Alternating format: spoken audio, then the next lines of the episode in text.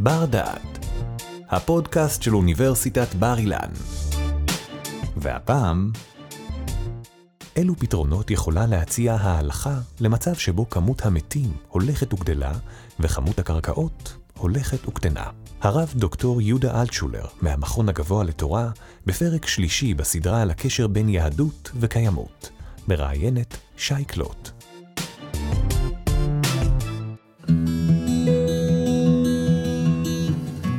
שלום וברוכים הבאים לבר דעת. בפרק הקודם במסגרת הסדרה יהדות וקיימות, תיארנו את סוגיית הגניזה אל מול הניצול הנאות של משאבי הקרקע, והעלינו אפשרויות שונות לצמצום כמויות הגניזה. בין אם בשיטת ההפחתה במקור, ובין אם באימוץ, ולו חלקי, של תפיסות הלכתיות שמאפשרות התייחסות שונה לגניזה. בפרק הנוכחי, ננסה לתאר סוגיה רחבה, מורכבת ובעלת השלכות רחבות ביותר, הנוגעת לשאלת השימוש בקרקע, והיא קבורת המתים בישראל. מי שיעזור לנו להבין את הנושא ואת הסוגיות ההלכתיות העולות ממנו, הוא הרב דוקטור יהודה אלטשולר, ראש המכון הגבוה לתורה. שלום יהודה. שלום וברכה. האם בחינת סוגיית הקבורה בהיבטי קיימות היא סוגיה שיש לה רק היבטים יהודיים? ממש לא, באמת מדובר בסוגיה שכולנו רואים אותה בבתי הקברות שלנו, אבל א', גם השריעה, ההלכה המוסלמית, אה, אוסרת את שריפת הגופות, שהיא לכאורה הפתרון הכי אקולוגי, לפחות בכל מה שקשור לניצול משאבי הקרקע, אבל גם בתרבויות שבהן שריפת הגופות היא הליך מקובל, אה, ישנה ביקורת שהולכת וגוברת, שלמרות שאולי לקרקע זה באמת פתרון אידיאלי, ההשפעה האקולוגית של השריפה עצמה היא בעייתית למדי. אה, בעולם יש כיום כתשעה מיליארד בני אדם, ומסתבר שתהליך שריפת הגופה משחרר אלפי קלוריות לאוויר, כמו גם חומרים אה, רעילים בכמויות לא מבוטלות. זה אומנם לא נשמע סימפטי, אבל חומרים שונים, כמו למשל סתימות השיניים שלנו, אה, החומרים האלה משחררים לא מעט אה, רעלים לאוויר במצב של התכה, וארגונים שונים בעולם מנסים להתמודד עם אתגר הקבורה ההולך וגדל. כפי שהצגת, מדובר על בעיה גלובלית חוצה דתות. לענייננו, כיצד ההלכה היהודית מתייחסת לנושא הקבורה? הפסוק המקראי שכולנו מכירים מתאר את האדם במילים המפורסמות, מן העפר באת ואל העפר תשוב, ועל סמך הפסוק הזה, שגם הפך להלכה פסוקה, מזה אלפי שנים מקפידים יהודים על קבורה באדמה. יש שיקפידו אפילו להיקבר דווקא באדמת ארץ ישראל. הבעיה היא שכבר כיום בנסיעה בצירי תחבורה ראשיים כמו כביש 1, בעליות לירושלים, וכביש 5 באזור מחלף ירקונים, לא ניתן לפספס את המראה של הבניינים החדשים שמוקמים בצידי הדרך. לא מדובר כמובן בבנייני מגורים, אלא בבתי קברות שמוקמים לגובה ומכונים קבורה רמה.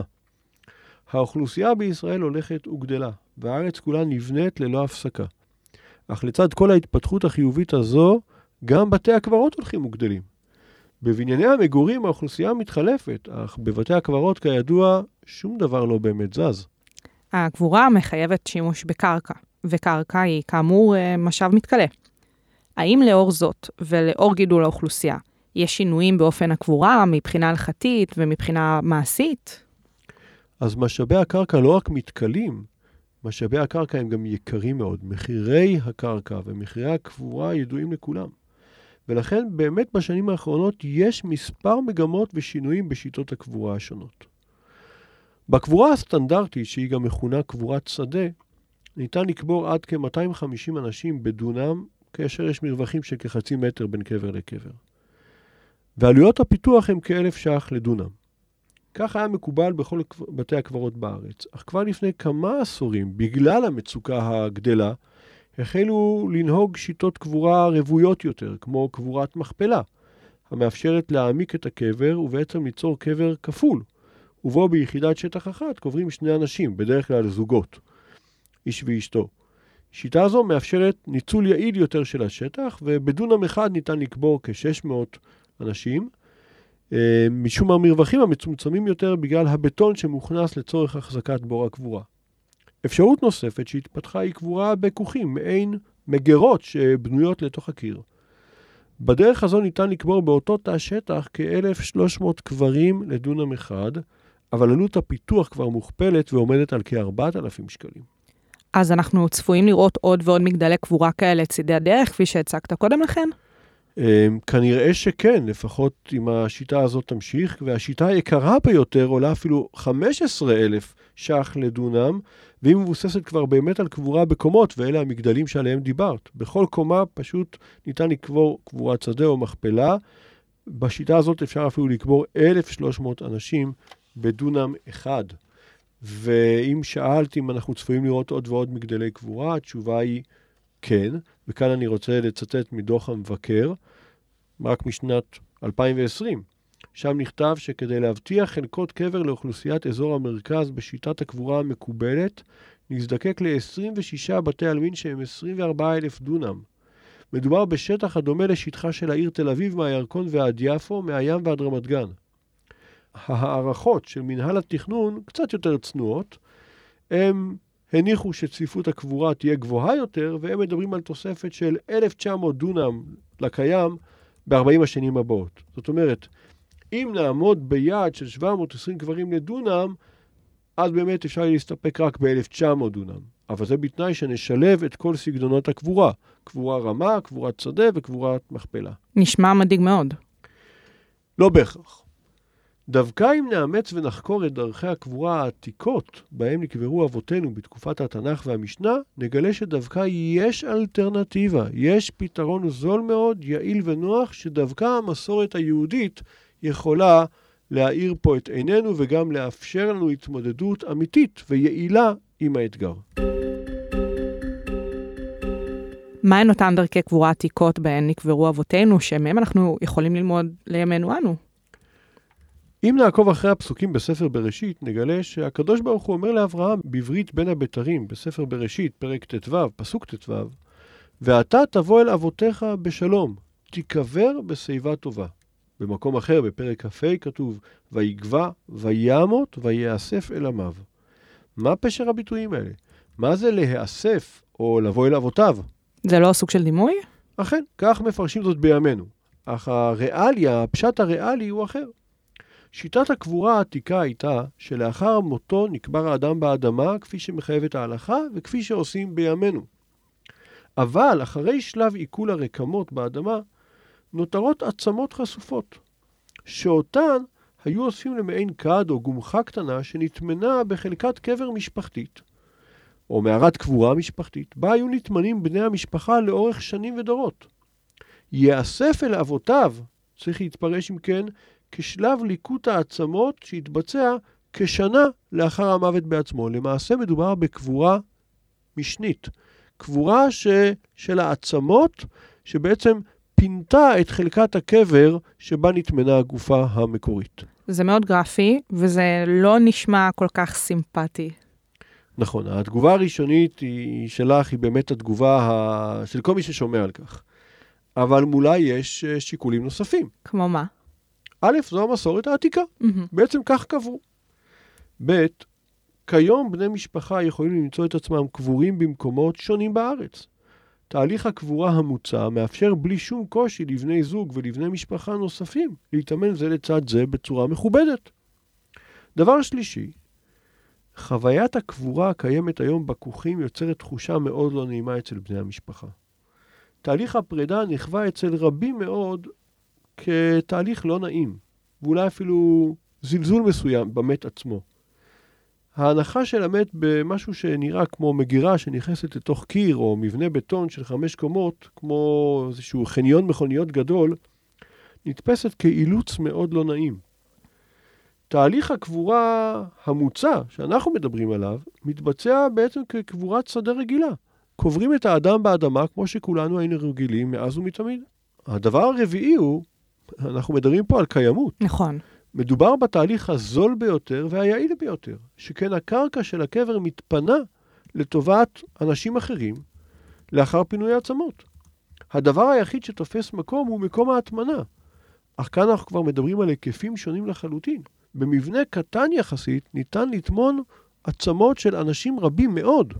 ועדיין, משהו בתהליך הזה של קבורה שנייה וליקוט עצמות נשמע לא סימפטי. אם מבחינת מדיניות נרצה להטמיע את השיטה הזאת, את שיטת הגבורה הזו, אה, שכן היא מקובלת על פי ההלכה כפי שאתה מציג, כיצד ניתן יהיה לשכנע את הציבור לבחור באופציית הקבורה הזאתי?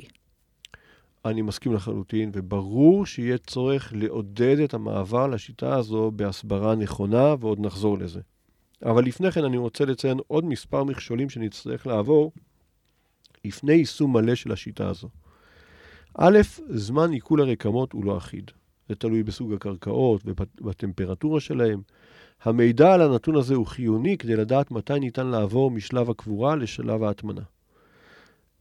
יש גופים בינלאומיים שיש להם עניין כמונו במידע הזה, וישנם מחקרים שונים בעניין, מחקרים שכמובן נעשים על גופות של בעלי חיים. יש גם הצעות ליצירת מתקני קבורה כאלה, או פיתוח של ארונות שבנויים מחומרים שיכולים לזרז את התהליך בצורה אנאירובית או אירובית. אז זה משוכה ראשונה. Mm-hmm. משוכה שנייה, מבחינה רגולטורית, החוק הנוכחי במדינת ישראל לא מאפשר הוצאת עצמות אדם מהקבר בשל סיבות תברואתיות. פתיחת האופציה של קבורה והטמנה מחייבת הסכמה ושינוי התקנות. זה לא נשמע בלתי אפשרי, זה אפילו מעודד במידה מסוימת. נכון, ובאמת אם רק חושבים על המשמעויות האקולוגיות וגם אלו הכלכליות שייווצרו מהקדשת משאבי הקרקע לטובת התפתחות החיים במקום לטובת המתים, אין סיבה לדחות את המיזם המעניין הזה, למעט סיבה אחת, והיא המסורת. המסורת עלולה להוות מכשול? תקן אותי אם לא הבנתי נכון. שיטת הליקוט היא לא השיטה המסורתית, למה שהמסורת תכשיל את המעבר לשיטה הזאתי? אסביר את עצמי. הפתרון של קבורת ארץ ישראל, כך מכנים אלה שדוחפים את היוזמה הזאת, את הפתרון של ליקוט עצמות, הוא פתרון ששאוב כולו ממסורת הקבורה היהודית העתיקה, כפי שהסברנו. אבל בפועל, כבר שנים רבות מאוד, קבורת השדה נתפסת כדרך הקבורה ההלכתית הנכונה. והתקבע דפוס מסורתי שכך יש לקבור, וכל דרך אחרת נתפסת ככזו שאינה תואמת את המסורת. אז מה עושים כשיש מסורות סותרות? להערכתי תידרש כאן לא מעט הסברה, אבל לא יהיה די בהסברה, טובה ככל שתהיה. אנחנו יודעים שאנשים משנים הרגלים רק כאשר הם נאלצים לעשות זאת. או כאשר ישנו תמריץ שמהווה זרז לשינוי הרגלים. המעבר לקבורה רמה או לקבורת כוכים לא נעשה בהתנדבות. אף אחד לא אוהב זאת. ויש לא מעטים שעדיין מוכנים לשלם כסף רב על מנת לקבור את יקיריהם באופן שנתפס ביניהם כמכובד יותר בקבורת שדה. ועדיין, בפועל, כשבאה חברה קדישא ומציעה קבורת כוכים ואומרת לאנשים, זה מה יש, אנשים נוטים לקבל את מה שמוצע להם. מה גם שאם יתעקשו על קבורת שדה, ישלמו סכום אדיר של עשרות אלפי שקלים. יש כאלה שישלמו, ויש בפועל רבים שמוותרים וקוברים בכוכים. גם במקרה שלנו, אם חברות קדישא שמנהלות את הקבורה ולהן יש עניין רב בחיסכון הכלכלי, יציעו את הפתרון הזה של ליקוט עצמות, ואם במקביל גם יינתנו לציבור תמריצים, כמו למשל הבטחה להטמנת בני המשפחה בבוא העת במקום אחד, יש סיכוי שדפוסי הקבורה ישתנו והמסורת העתיקה תגבר על המסורת החדשה. זה נשמע שבאמת לאילוץ יש כאן תפקיד מאוד חשוב בקביעת סדר היום של הקבורה. נכון, וכך קורה גם היום. האילוץ תמיד היה הזרז חשוב, לכל דבר. בקהילות יהודיות בעולם הרחב לאורך שנות הגלות היה מוקצה בדרך כלל שטח מסוים לקבורה. השטח עבור המתים לא גדל, כמו שבדרך כלל גם השטח של החיים לא גדל. השכונה היהודית או הגטו היהודי בתקופות שונות באירופה לא גדל. ובאמת הצפיפות, המחלות, היו לעיתים איומות. מה עשו עם בית הקברות? הרי במוקדם או במאוחר הוא התמלא עד אפס מקום. פשוט הוציאו את המצבות, שפכו אדמה על הקברים וקברו מחדש בשכבה נוספת, כשאת המצבות הישנות צופפו לצד החדשות. מי שמטייל היום בפר... בפראג ונכנס לבית העלמין שם ששרד עד ימינו, ימצא שם את קבריהם של גדולי תלמידי החכמים שהיו בעיר מיוחדת זו, ולצידם עשרות אלפי מצבות נוספות בצפיפות איומה. ההערכה היא שבשטח המצומצם יחסית של בית הקברות, כ-11 דונם בסך הכל, טמונים כ-100 אלף יהודים ב-12 שכבות שונות. לשם השוואה, בפרויקט הקבורה במנהרה החדשה של הר המנוחות יש מקום לכ-25 אלף קברים בשטח של 25 דונם, מתחת ההר. שטח ההר כולו הוא בסך הכל כ-600 דונם, והוא הולך ומתרחב. 100 אלף יהודים ב-11 דונם לעומת המספרים שאנחנו מדברים היום. בלתי נתפס. מדינת ישראל מתקרבת במהירות למצב של חוסר ברירה. לא יהיה מנוס ממעבר לשיטת קבורה חסכונית יותר, הן בשטח והן בתקציב. וכשאין ברירה מצד אחד, ומצד שני מדובר בפתרון הלכתי לחלוטין, שמגובה במסורת עתיקה, יש להניח שבסוף, למרות כל חוסר הסימפטיות שבדבר, הוא יתקבל על הדעת וגם ייתפס אולי כסימפטי. לא בטוח. אז אם ככה, אני אשתמש בדוגמה נוספת. השתלת איברים. במשך שנים רבות נוצרה דעה קדומה שההלכה היהודית עוצרת השתלות איברים מן המת.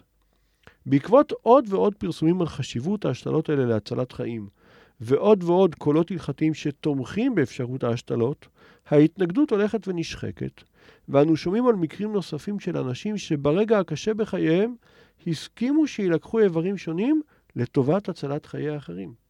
הבעיה כאן, כמו גם במקרה שלנו, אינה ההלכה, אלא מה שבעיני הציבור הרחב נתפס כקולה של ההלכה.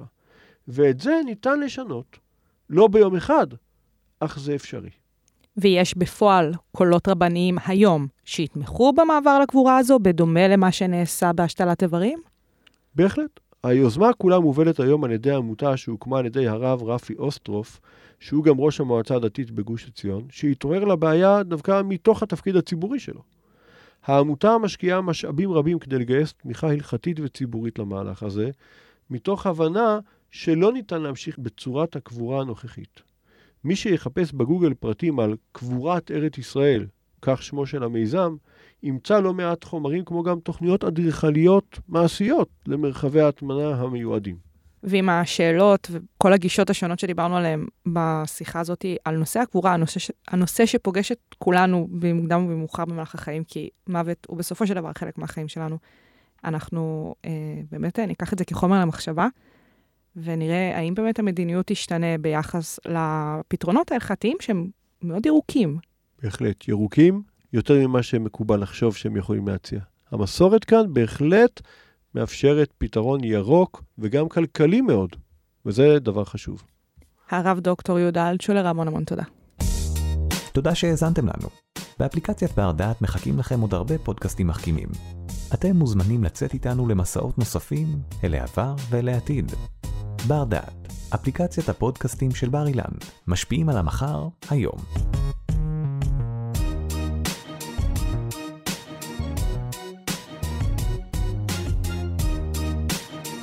ערכה והפיקה שי קלוט. תודה על ההאזנה.